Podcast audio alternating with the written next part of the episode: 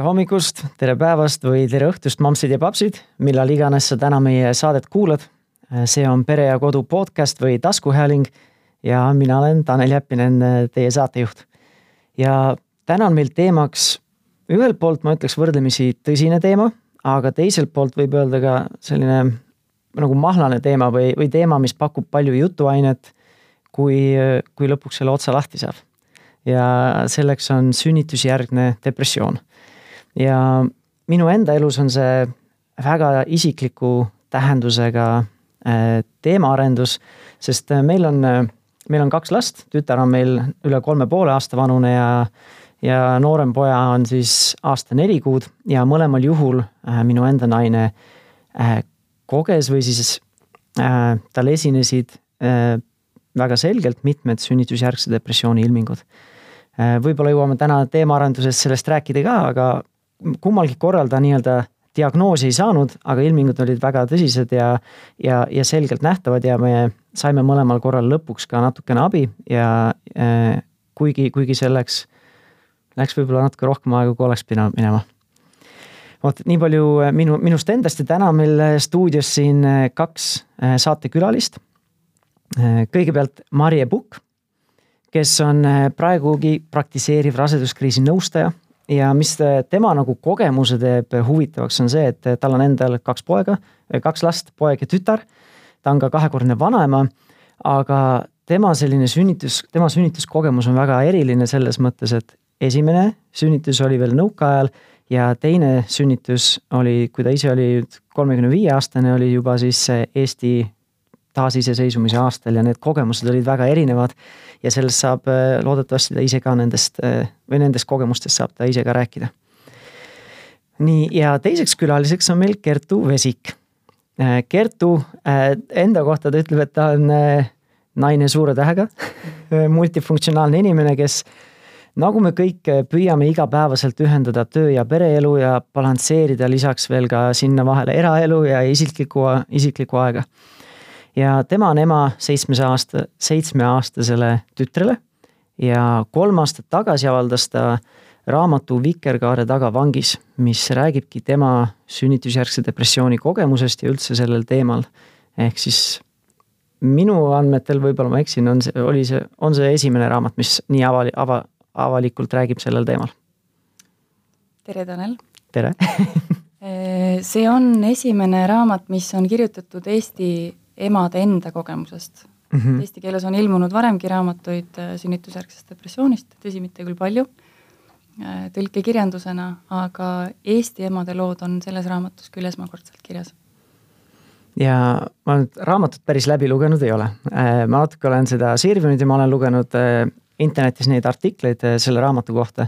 ma sain aru, et seal ei ole mitte ainult sinu kogemus kajastatud, vaid päris mitme Eesti ema kogemus seal on äh, üheteistkümne ema kogemus ja need emad on väga erineva sotsiaalse taustaga, geograafilise asukohaga, et, et üle Eesti erinevad emad, kes on läbi elanud siis ühest küljest sarnaseid ja teisest küljest täiesti erinevaid emotsioone seoses kas esimese või siis juba mitmenda lapse sünniga mm. -hmm natuke tahaks äh, Marje sisendit ka saada, et ma ise nüüd äh, valesti ei räägiks siin tänases saates, kas äh, sünnitusjärgset depressiooni, kuidas seda võib nimetada, on see siis vaimne häire või kuidas seda nimetada? no sünnitusjärgne depressioon on rahvusvahelise haiguste klassifikatsiooni järgi ikkagi haigus mm, -hmm. psüühiline, psüühiline haigus, mis vajab ravi. et depressioonil on väga äh, ühtpidi väga kindlad kriteeriumid, tei-, teisalt jälle on ta selline äh, laialivalguv ja hall ala, kus väga raske on aru saada, et millal muutub see äh, depressiivne seisund äh, nii tõsiseks, et ta on juba depressioon. ja siin Kertu raamatus ka minu head kolleegid on kommenteerinud seda teemat ja väga kenasti kirjutanud äh, mis see kõik on, kuidas seda märgata ja lugesin ka eile selle raamatu veel värskelt läbi ja äh, nagu Tanelile ka kommentaaris ütlesin, et mulle tundus see nagu õpik. et äh, on lugu ja siis on see naise lugu ja siis on äh, see kommentaar sellele et noh, kõik on, kõik on alati ka väga individuaalne samas, vaatamata, et on siis kindlad tunnused. No need tunnused on siis äh, loetletud ka, mis need võiksid siis olla. et äh, kõige esimene asi on siis see elurõõmu kadumine, väsimus, äh, unehäired, söögiisu muutumine, kes, kas siis äh, väheneb söögiisu või suureneb, väärtusetuse tunne, tunne, et ma ei saa millegiga hakkama. Mis midagi veel meelde tuleb, siis ma lisan veel. et nüüd see depressioon on äh, äh, nagu eriline selle poolest ka, et äh, kergemal juhul äh, saab abi ka kergematest võtetest äh,. kuid äh, see üleminek, millal muutub äh, depressiooni raskusaste juba selliseks, et mul on ilmtingimata arstiabi vaja, on hästi õrn. et selles mõttes äh, pigem tasub äh, pöörduda kohe alguses oma perearsti juurde kõigepealt. et äh, rääkida, et kas siis juba sünnituse ajal või vabandust, mitte sünnituse ajal, vaid raseduse ajal või, või pärast sünnitust et rääkida sellest, et vot mul on halb olla, ma ei saa magada, ma olen ärev, vihastan lapse peale, ma ei tunne rõõmu kogu sellest värgist, et ma ei saa aru, kas mul on võib-olla mingi äh, noh, kehakeemia sassis, ma vajan võib-olla mingeid vitamiine lisaks või äh, on mul rauapuudus või hormoonid äh, sassis, mis iganes, igal juhul tasub konsulteerida. Oht on siin selles, et perearst võib esialgu pöörata rohkem tähelepanu sellele füüsilisele seisundile. Et ja mitte aru saada, kui naine seda ise ka ei ava et seal taga on tegelikult ka psüühiliselt väga palju. Ähm, oleneb jälle väga palju, kuidas naine ennast avab ja millised on suhted ka oma perearstiga, kuidas usaldatakse. või milline on varasem kogemus, kuidas ma üldse oskan ennast tähele panna ja oma märke lugeda, kõik see kokku. Ähm, mis siis veel? No, korraks võib-olla isegi segaks vahele, et väga noh, vahva ongi see, et nagu sa ütlesid, et see on, see on haigus, ehk siis haigus väga ei küsi, et kes sa oled või, või mis su taust on äh, või, või, või mis iganes, et äh, ja ma arvan, et nagu enda kogemusest ja nähes seda, mida mu, kuidas mu naine seda läbi elab äh, ja ise mehena ka, et nagu olen, ise olin seal kõrval ka abituna, et ei osanud ka midagi teha. ei saanud ka ise aru, et kas oled, on see normaalne kogemus või mitte, sest võib-olla see oli ainult meie kogemus, aga mulle tundub nagu, et enne nagu seda äh, sünnitust või raseduse ajal väga palju sellest teemast ei räägita või nendest ohtudest. ja, ja võib-olla see on ka üks põhjus, miks sagedasti kas need sümptomid jäävad siis diagnoosimata või siis see ravi hilineb, sest ma sain aru, et sinu loost, Kertu, et sul oli täpselt samamoodi, et see, et sa nagu ise ka ei tõstnud kohe nii-öelda kätt üles, kuule, mul on abi vaja no eks see abi küsimine on äh, inimeseti erinev, mõni küsib kohe abi mm, -hmm. ka siis, kui võib-olla ei ole veel põhjust. ja, ja mina natukene ootan, kuni läheb päris hulluks, et, et äh, perearsti poole ma ei pöördunud kordagi mm. -hmm. et mina ikka ootasin, kuni, kuni väga hulluks läheb okay..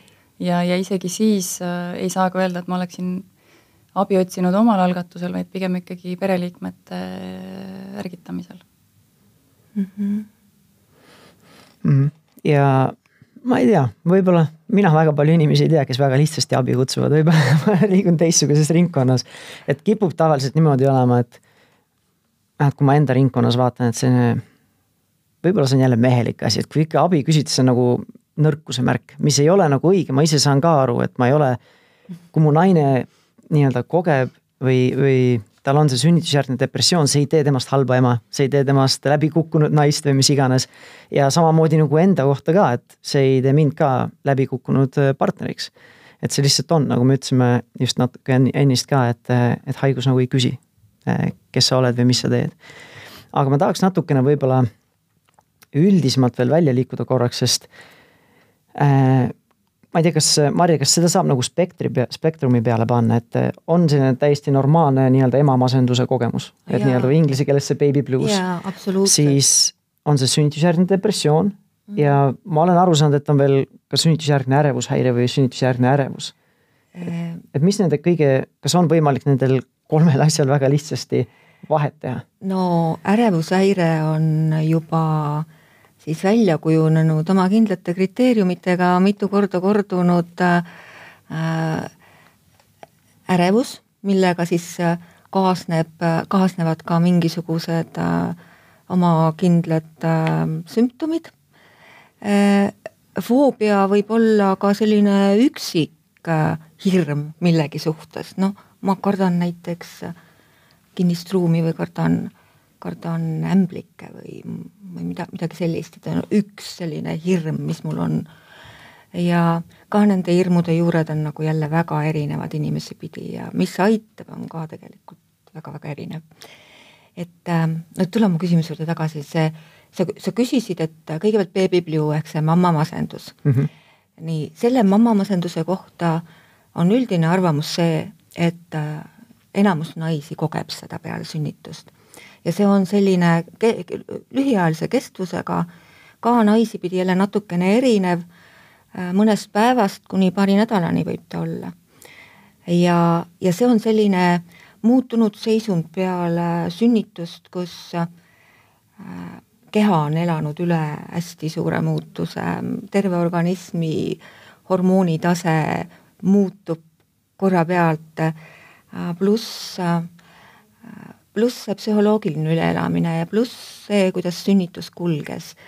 Ähm, mis on sellele eelnenud, mis on sellele järgnenud, kui kiiresti saab haiglast koju, kas mu lapsega on kõik korras, ähm, kuidas mu suhted sel hetkel, nõnda edasi, see on? Tohutu kompleks igasuguseid asju, mis sinna otsa haagib.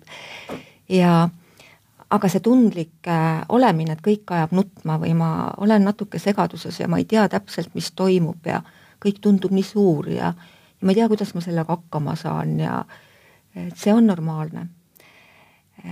enamasti tulebki see, see sünnitusjärgne depressioon siis pisut hiljem. ta võib avalduda paari kuu jooksul juba pärast sünnitust, ehkki märke võib olla juba äh, ohumärke juba raseduse ajal, nii nagu Kertu ka siin tegelikult sinu raamatus nagu nende lugude, naiste lugude puhul ja su enda loo puhul nagu väga kenasti esile tuli. siis äh, jällegi, et kuidasmoodi, omamoodi on see seisund, et äh, pärast sünnitust naine, no pere läheb koju äh, haiglast ja see esimene kuu pärast koju, koju minekut on nagunii üks hästi segane kuu. et äh, sageli on see nii, et äh, ei saa aru, kas on öö või päev, pidžaamat ei saa seljaski äh,. tundub nagu see oleks meid, meid näinud. tõesti või? et ja, ja see ongi selline, et äh, kus hakkab tasakesi paika loksuma see, et ohoo, tere tulemast, sa oled nüüd siin ma pean kõige sellega hakkama saama, jälle oleneb esimene rasedus või esimene laps või teine laps, aga vahet pole, iga kord see on uus. isegi kui see on viies laps, on see ikkagi uus. et selles mõttes äh, ja ei ole välistatud see, et seekord äh, see meeleolu langus, mis võib viia sügavama depressioonini või depressio-, sünnitusjärgne depressioonini või muutuda depress-, depressiooniks et see ei juhtu minuga, see võib juhtuda. Äh, no vaata, kui see esimene kuu siis seda segadust, tunned oma beebit, õpid teda tundma, näed, millal ta sööb, millal ta ei söö, hakkad aru saama. vist nutab sellepärast, ei vist sellepärast, nuttudel vahet tegema äh,. ise juba pere hakkab kohanema, nii mees kui naine tegelikult. ideaalis on nad mõlemad olemas, eks ole, sel hetkel et nad on koos ja nad jagavad seda vastutust ja nad saavad sellest äh, ühiselt aru, jagavad uneaega, äh, tegelevad kahekesi ja on selle segaduse sees ka nagu kahekesi.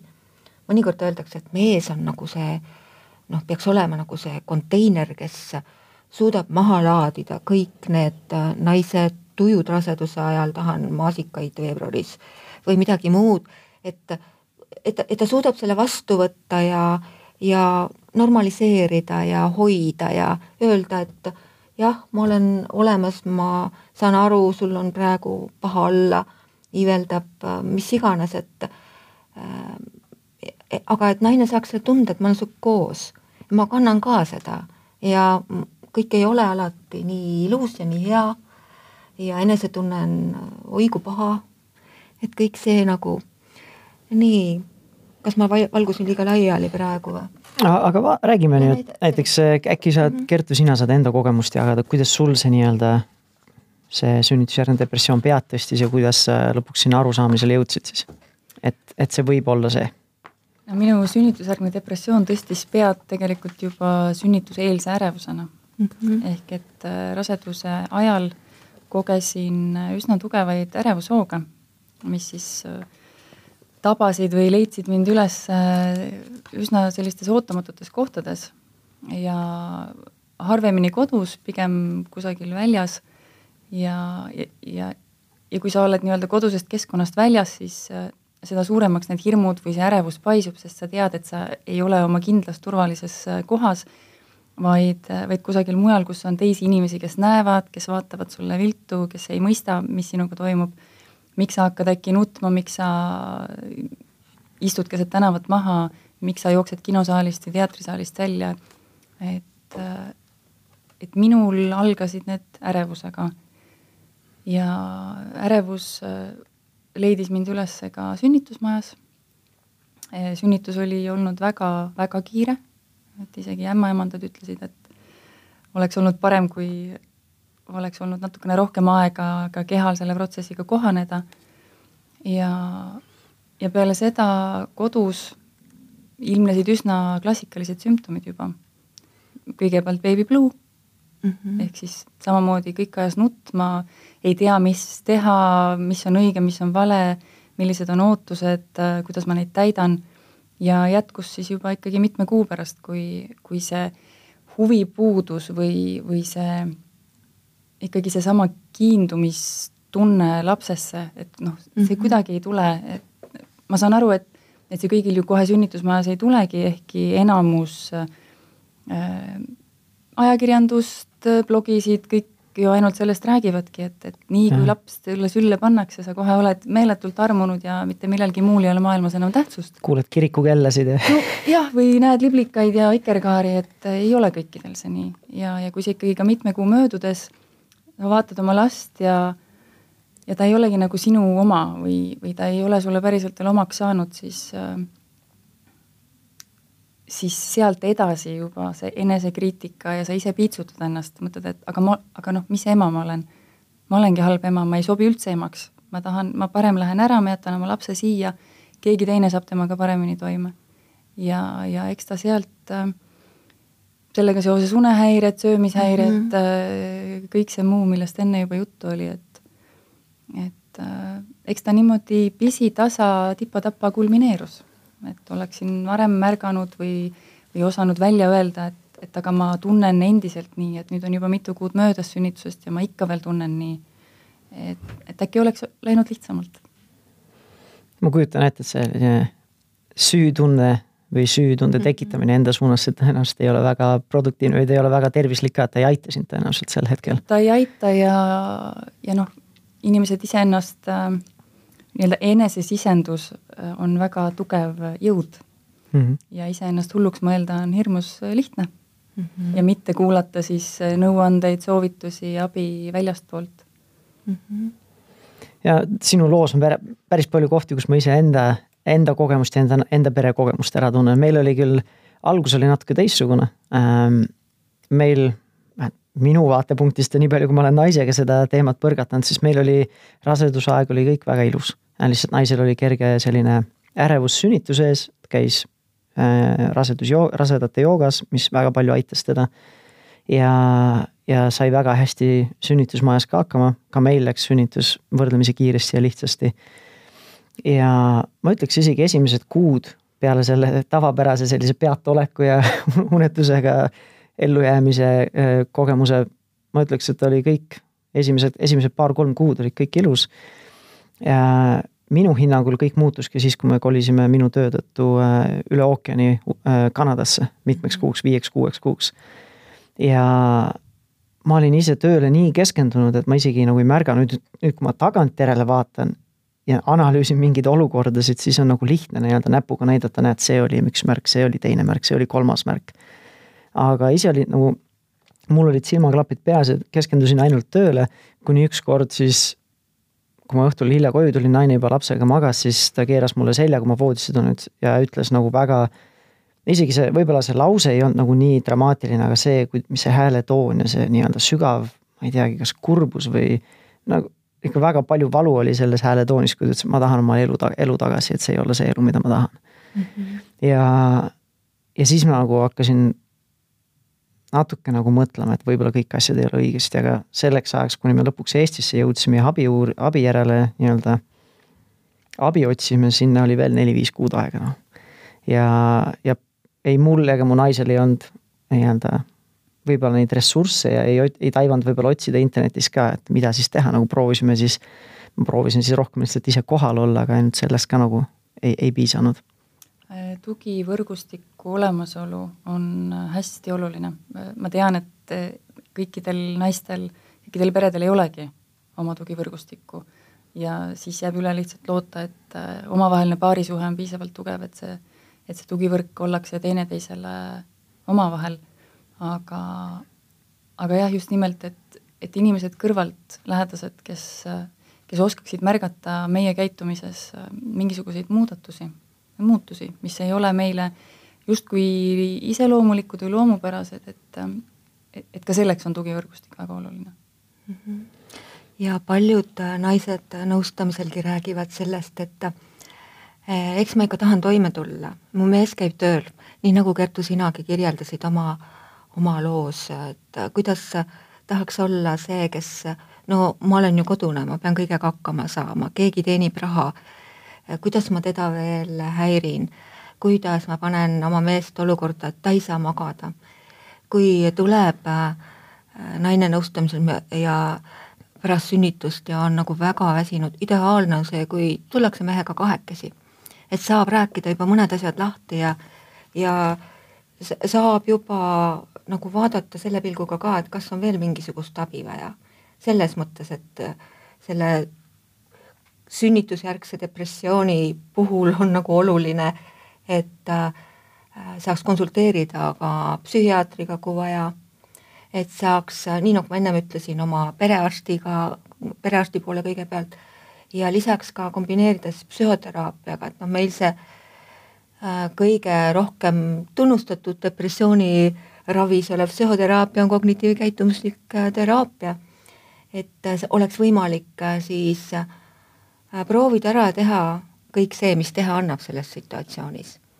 esimene asi on alati see, et hakkamegi uurima, et milline on see tugivõrgustik, kes on veel, kes saab aidata, kes saab aidata äh, nädalas kas või ühe öö äh, emal une täis magada. piisab sellest äh, tähelepanu, panu, panuavaldusest, et kuule, mina täna öösel valvan last, äh, mis juba ka omavahelisi suhteid ja mõistmist ja kõike nagu, kõik, kõike juba jälle aitab viia lähemale. et hästi-hästi oluline, et julgeks abi küsida et nagu alguses, et sina ütlesid, Tanel ja Kertu ka, et ega see ei olegi nagu väga lihtne, sellepärast et ja ei olegi, tean omast käest, et ei ole lihtne abi küsida. aga kui oskad abi küsida, siis oskad ka võib-olla abi anda ja märgata. et need kaks asja on nagu ka omavahel seotud. ja julgustan ka alati äh, pöörduma naisi oma lähedaste poole. raske on siis, kui suhted on äh, nagu väga nässus oma, oma tugivõrgustiku sees, kes võiks olla. Sinu puhul, Kertu, oli see, et sa said minna oma koju, oma ema juurde ja ta oli sulle väga palju abiks. et tütarde emade suhted selle tütre raseduse ajal ja järgselt, need on nagu nii olulised, et äh, seda liini pidi tuleb hästi palju abi aga sageli näen seda, et inimesed ei suhtle oma vanematega aastaid. nad on täiesti lõpetanud suhtlemise. naised ei suhtle oma emadega, sest on, neil on nii palju etteheiteid oma emadele. ja need asjad on kõik jäänud selgeks rääkimata ja, ja, ja see töö, töö tehakse kunagi ära nii ehk naa, sest seda on vaja iseenda pärast teha, aga igaks asjaks on oma aeg.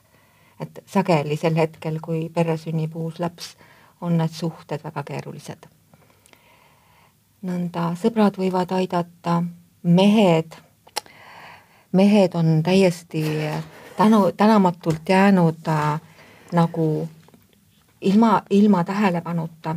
aga teate, eile mul oli just selline juhus, et äh, mm, mul on kirja, kirjavahetus ühe äh, noore emaga, kes pöördus äh, nõustamisele, tema beebi on mõned kuud vanad nüüd, ta pöördus nõustamisele väga varakult peale lapse sündi selleks oli tal oma põhjus. Ja temalt on luba ka siis nagu tsiteerida seda tema kirja, kirjutasin siit mõned asjad käsitsi välja.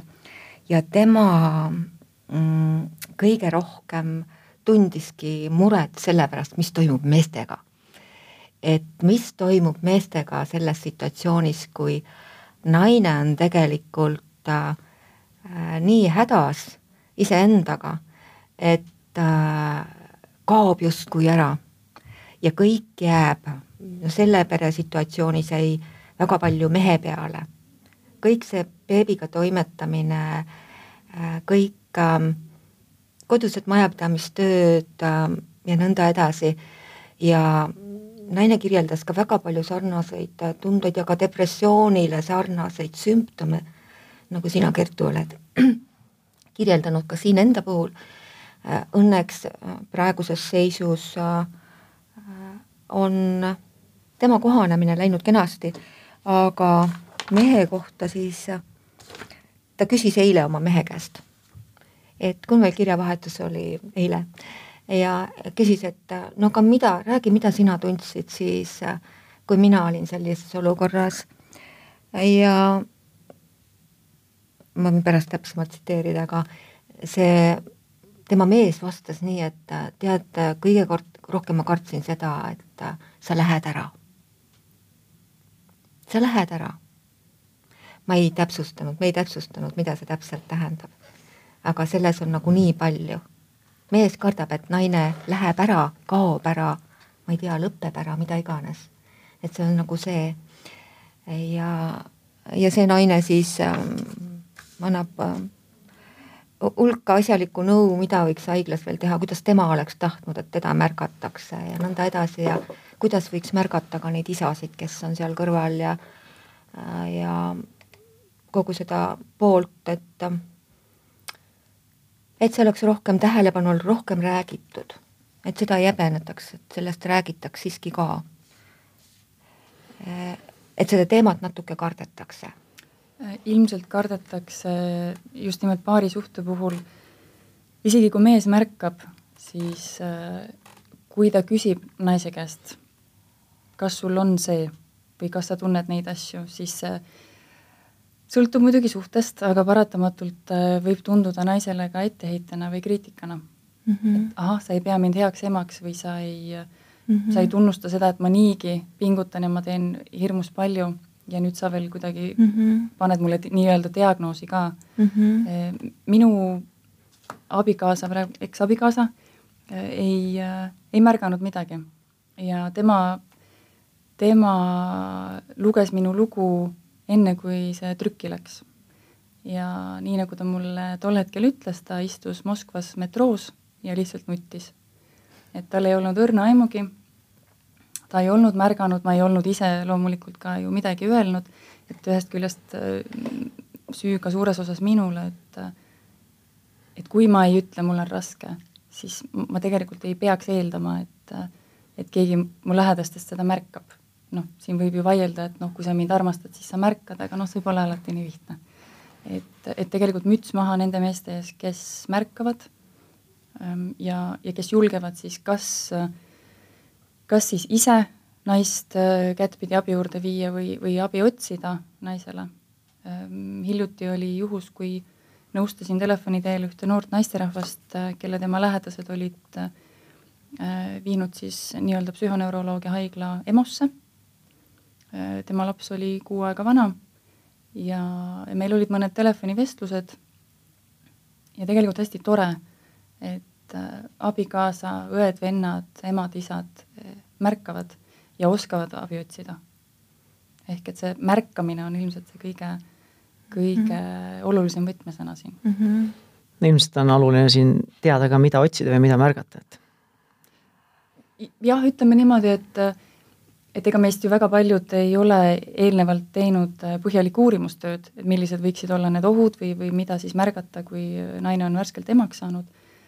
Tihtipeale erinevad perekooli loengud äh, raseduseelsed loengud, seal küll räägitakse põgusalt, et jah, kui naine sünnitab, siis paari nädala kuni kuu jooksul on, on tal seesama mammamasendus, aga vähemalt minu ajal, kui, kui ma nendes loengutes käinud, käisin, ei, ei, ei rääkinud mitte ükski ämmaemand sellest, et aga on olemas ka mingisugune seisund sealt edasi mm. -hmm. et, et juhul, kui teil need sümptomid ilmnevad või kui see mammamasendus kestab justkui liiga kaua, et minge otsige kohe abi. minge rääkige kas siis perearstiga või, või, või et kuhu siis pöörduda. et sellised mm -hmm. asjad justkui nagu salati maha või et mm, -hmm. et noh. et kui ei räägi, siis neile, ei ole olemas. jaa, et räägime neile ainult, et noh, kaks nädalat, kuu aega ja mm -hmm. et ärme hirmuta justkui ära. et, et võib-olla, võib-olla on asi selles, et ei taheta ära hirmutada mm. -hmm Mm -hmm. no tänapäeval õnneks, kuigi see doktor Google võib-olla alati kõige kasulikum ei ole, aga, aga kui on selline kahtlus, et, et võib olla midagi enamat kui see mamma masendus, et siis äh, neid sümptomeid on väga lihtne leida Google, väga lihtsa Google'i otsinguga. no ma tahan korraks tagasi tulla siia just sellele, et kuidas see depressioon mõjutab seda äh, ema ja isa või paari, paarisuhet või lähisuhet. ja sest oma kogemust natukene võib-olla meelt meelt, meeleolusid kergemaks teha, et ma võin öelda enda kogemust, mida mitte teha et kui naine, naine kogeb seda, et näiteks, mis äh, väga produktiivne ei ole, kui äh, lihtsalt võib-olla isegi kerge ärritusega öelda, et kuule, rahune maha. või tule välja sellest, et äh, või vaata asju positiivsest küljest. tegelikult on meil nii palju asju, mille üle õnnelik olla. või siis lihtsalt ole normaalne et omast kogemust ma võin öelda, et, et ükski nendest asjadest väga hästi ei töötanud aga, aga äh, nagu Kertu rääkis ka, et tuleks selle asemel siis pigem märgata, aga kuidas siis seda teemat nagu delikaatselt äh, ikkagi nagu üles tuua, nagu Kertu, sina mainisid ka, et, et äh, sellises seisundis naisterahvas võib väga vabalt võtta seda isiklikult mm. -hmm. et mida siis nagu teha või kuidas siis teha, et ma olen nüüd vaadanud seal doktor Google'ist, vaatan neid sümptomeid, nagu tundub, et nagu võiks olla, ei julge ise ka seda diagnoosi panna, ei ole nagu professionaal äh, tahaks nagu aidata, aga mida teha, et see, et see asi ette läheks?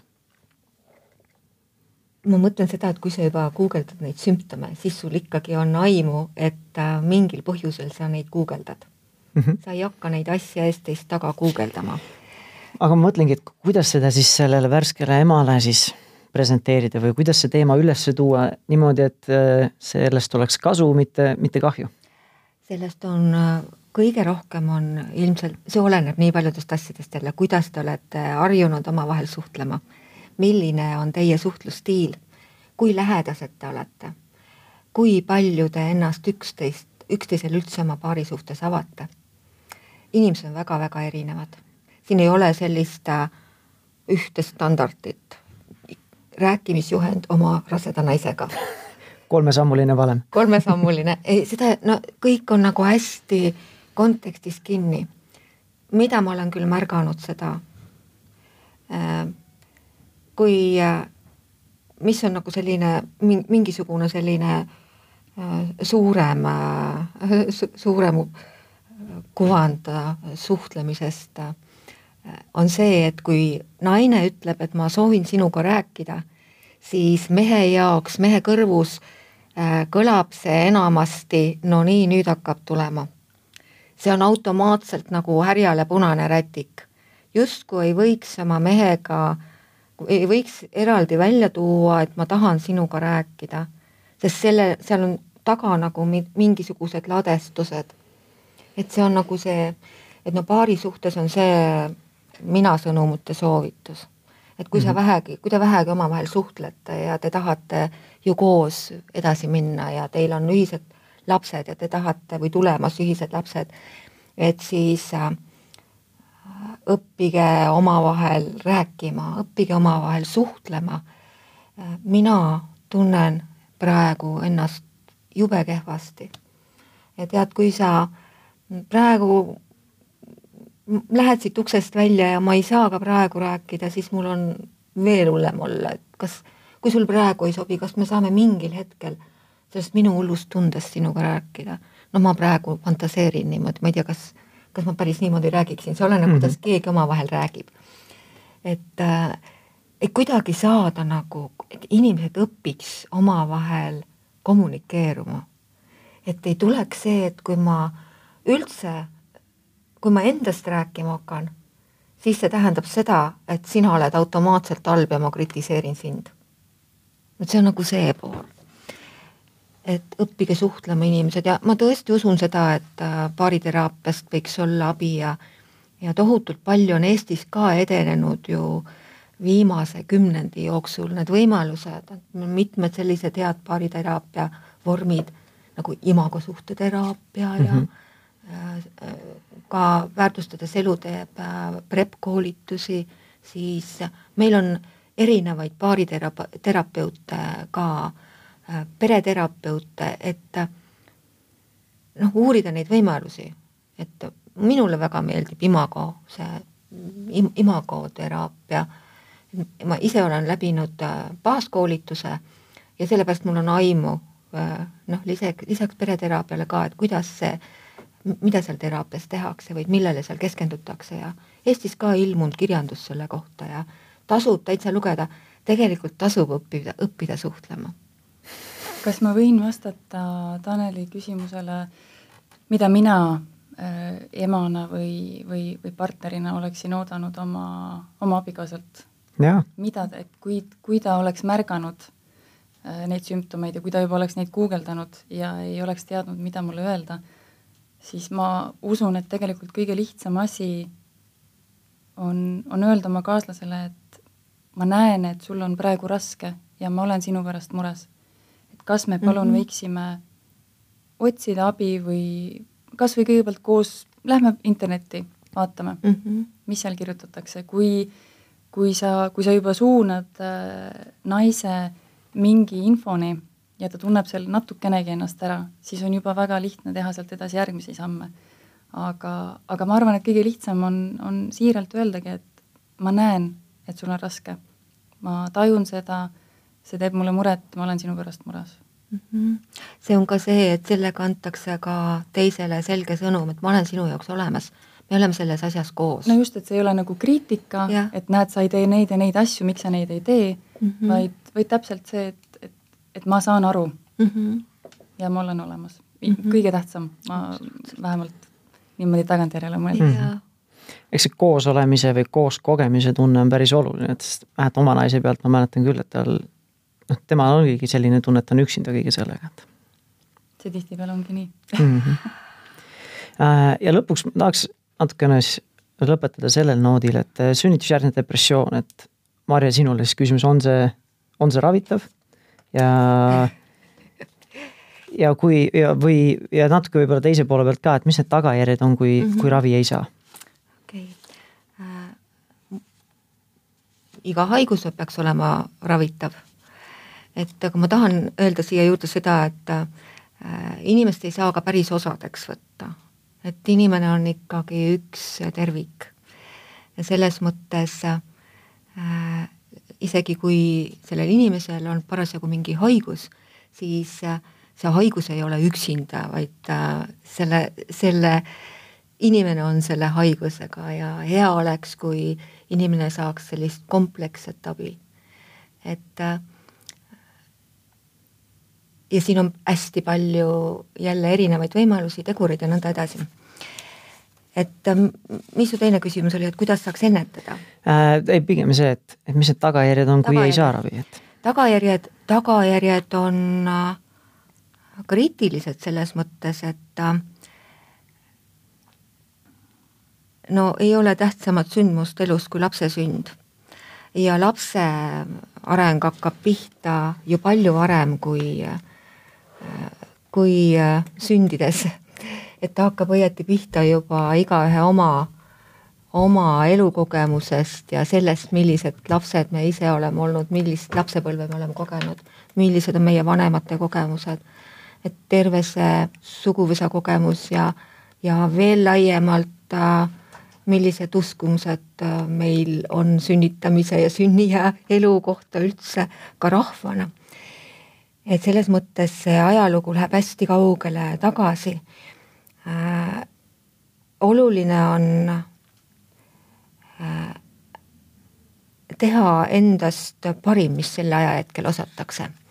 et äh, mis, mida emad nagu sageli ütlevad ja isad ka, et ma tahaksin, et minu lapsel oleks äh, parem elu, kui minul oli.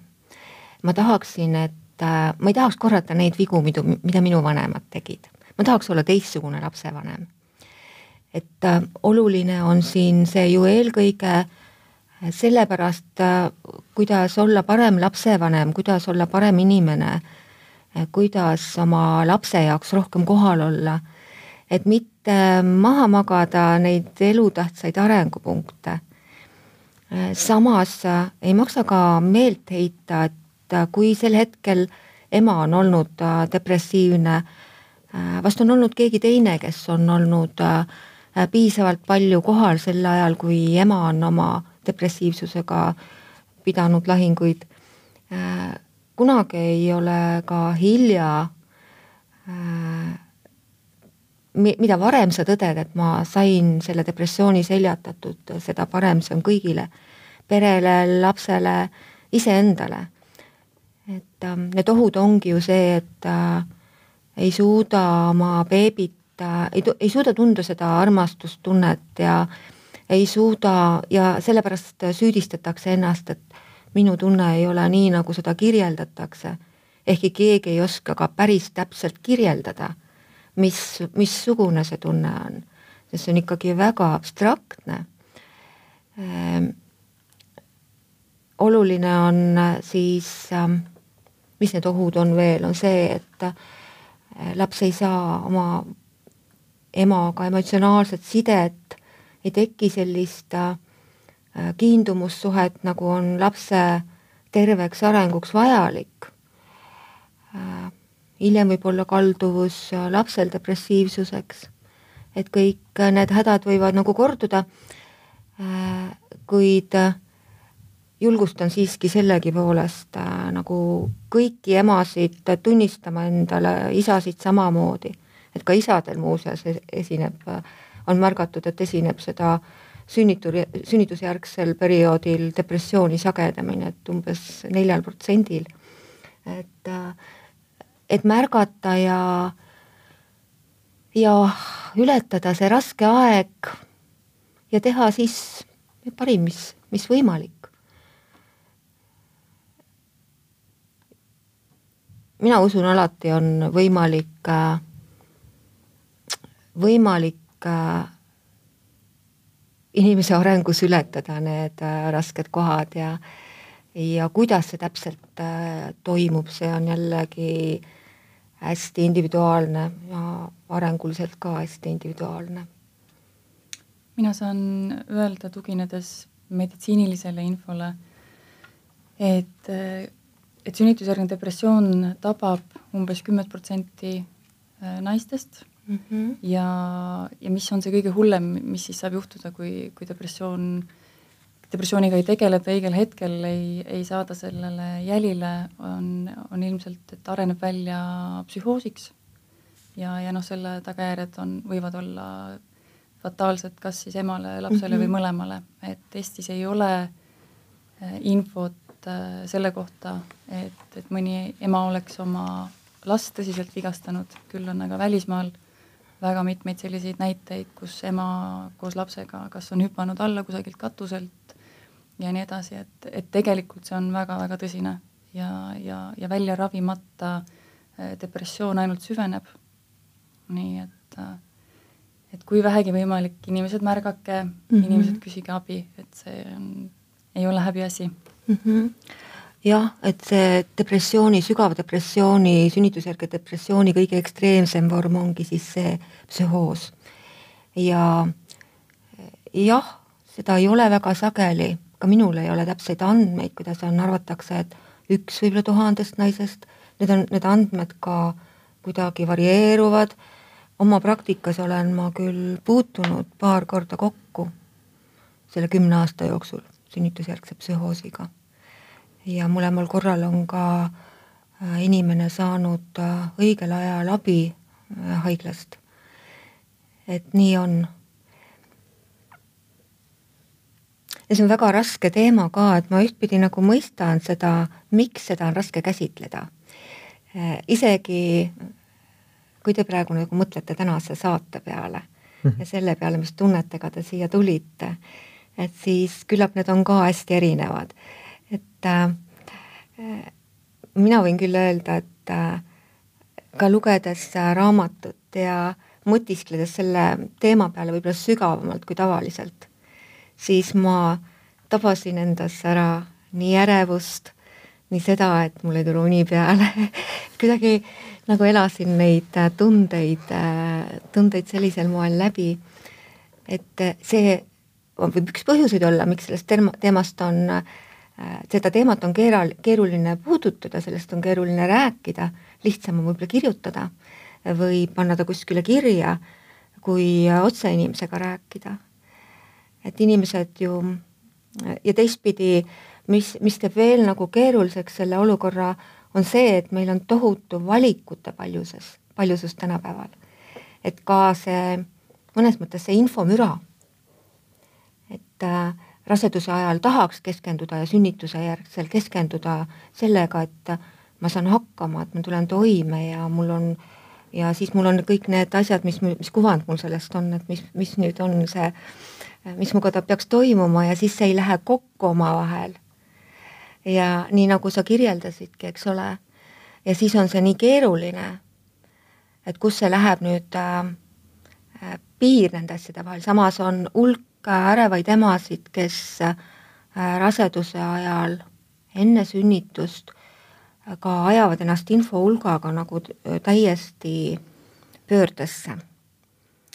et mõnikord, nüüd tuleks ära tunda jälle see tasakaal enda sees või luua see tasakaal enda sees et jah, mul on palju valikuvõimalused, on väga palju infot, kõik need asjad äh, ei pea juhtuma ilmtingimata minaga, minuga, aga ma olen teadlik, et see ja see võib toimuda, see ja see on normaalne, aga vot sealt maalt on see koht, kus mul on vaja küsida abi. et äh, ka siin olla nagu noh, jälle see terve talupoja mõistus säilitada, et mitte nagu, ähm, et leida see oma tasakaalukoht mm. -hmm. tõsi, tõsine teema, tõsised jutuajamised ja, ja ilmselt tänane selline mõni, mõnekümneminutiline äh, saade ei ole ka selline täielik või lõplik ressurss selle kohta, aga kindlasti võiks vähemalt selle äh, see, selle teema sissejuhatuseks olla. ja lõpetuseks ma tegelikult paluksin Kertul sinul, et äkki äh, äkki sa võtaksid kogu selle teema ise kokku või mis on sinu sõnum, mis oli sinu sõnum selle raamatu kirjutamisega äh, noorele emale ja et mis sa tahaksid öelda sellele noorele emale, kes kas maadleb nende sümptomitega või selle äh, depressiooniga või siis tal on kahtlus, et tal võib see olla? peamine soovitus on tegelikult julgustus, et abi otsimine ei ole häbiasi neid sümptomeid tunda ei ole häbiasi, see on täiesti normaalne. ja kui on usalduslik suhe perearstiga, miks mitte alustada sealt, mina isegi julgustan täiesti äh, emasid, isasid, äh, pereliikmeid äh, otsima abi ka raseduskriisi keskustest. et osadel juhtudel on sinna vajalik perearsti suunamine, osadel mitte. et rasedus.ee on see, kust kust saab väga palju infot.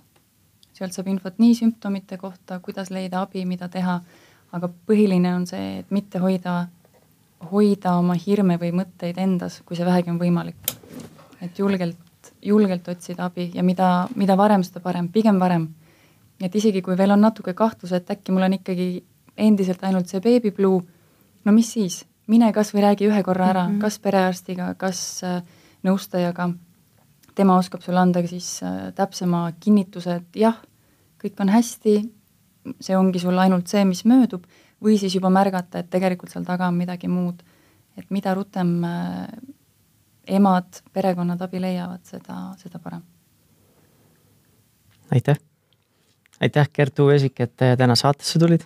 aitäh, et, et sa kirjutasid selle raamatu Vikerkaare taga vangi, vangis Eesti emade lood sünnitusjärgsest depressioonist. ja aitäh ka Marje Pukk sinule, et sa täna tulid siia saatesse, jagasid oma ekspertiisi, oma kogemusi. ja kui keegi tahab sinu kohta rohkem uurida, kus sind leiab või kus sa praktiseerid raseduskriisi nõustajana? praegu võtan ma raseduskriisi nõustajana vastu Tõnismäe polikliinikus kolmel päeval nädalas. see on siis Hariduse tänav kuus raseduskriisi nõustamise projekti raames ja pöörduda võib ka kirja teel marje.rasedus.ee. minu kontaktid on olemas internetis, vajadusel ka Skype'i teel, nii nagu inimene siis kõige mugavama leiab mm. -hmm. väga vahva veel kord aitäh, Kertu, aitäh, Marje. mina olin Tanel Jeppinen ja kui tänane vestlusteema kõnetas sind või, või kui sa soovid nendel pereteemadel, äh, ka teistel pereteemadel kahepoolsesse vestlusse või suhtlusse astuda, siis äh, ma kutsun sind äh, minu juhitavasse, minu juhitavasse Facebooki gruppi liituma, mille nimeks on siis positiivne ja rahumeelne vanemas. aitäh kuulamast ja järgmise korrani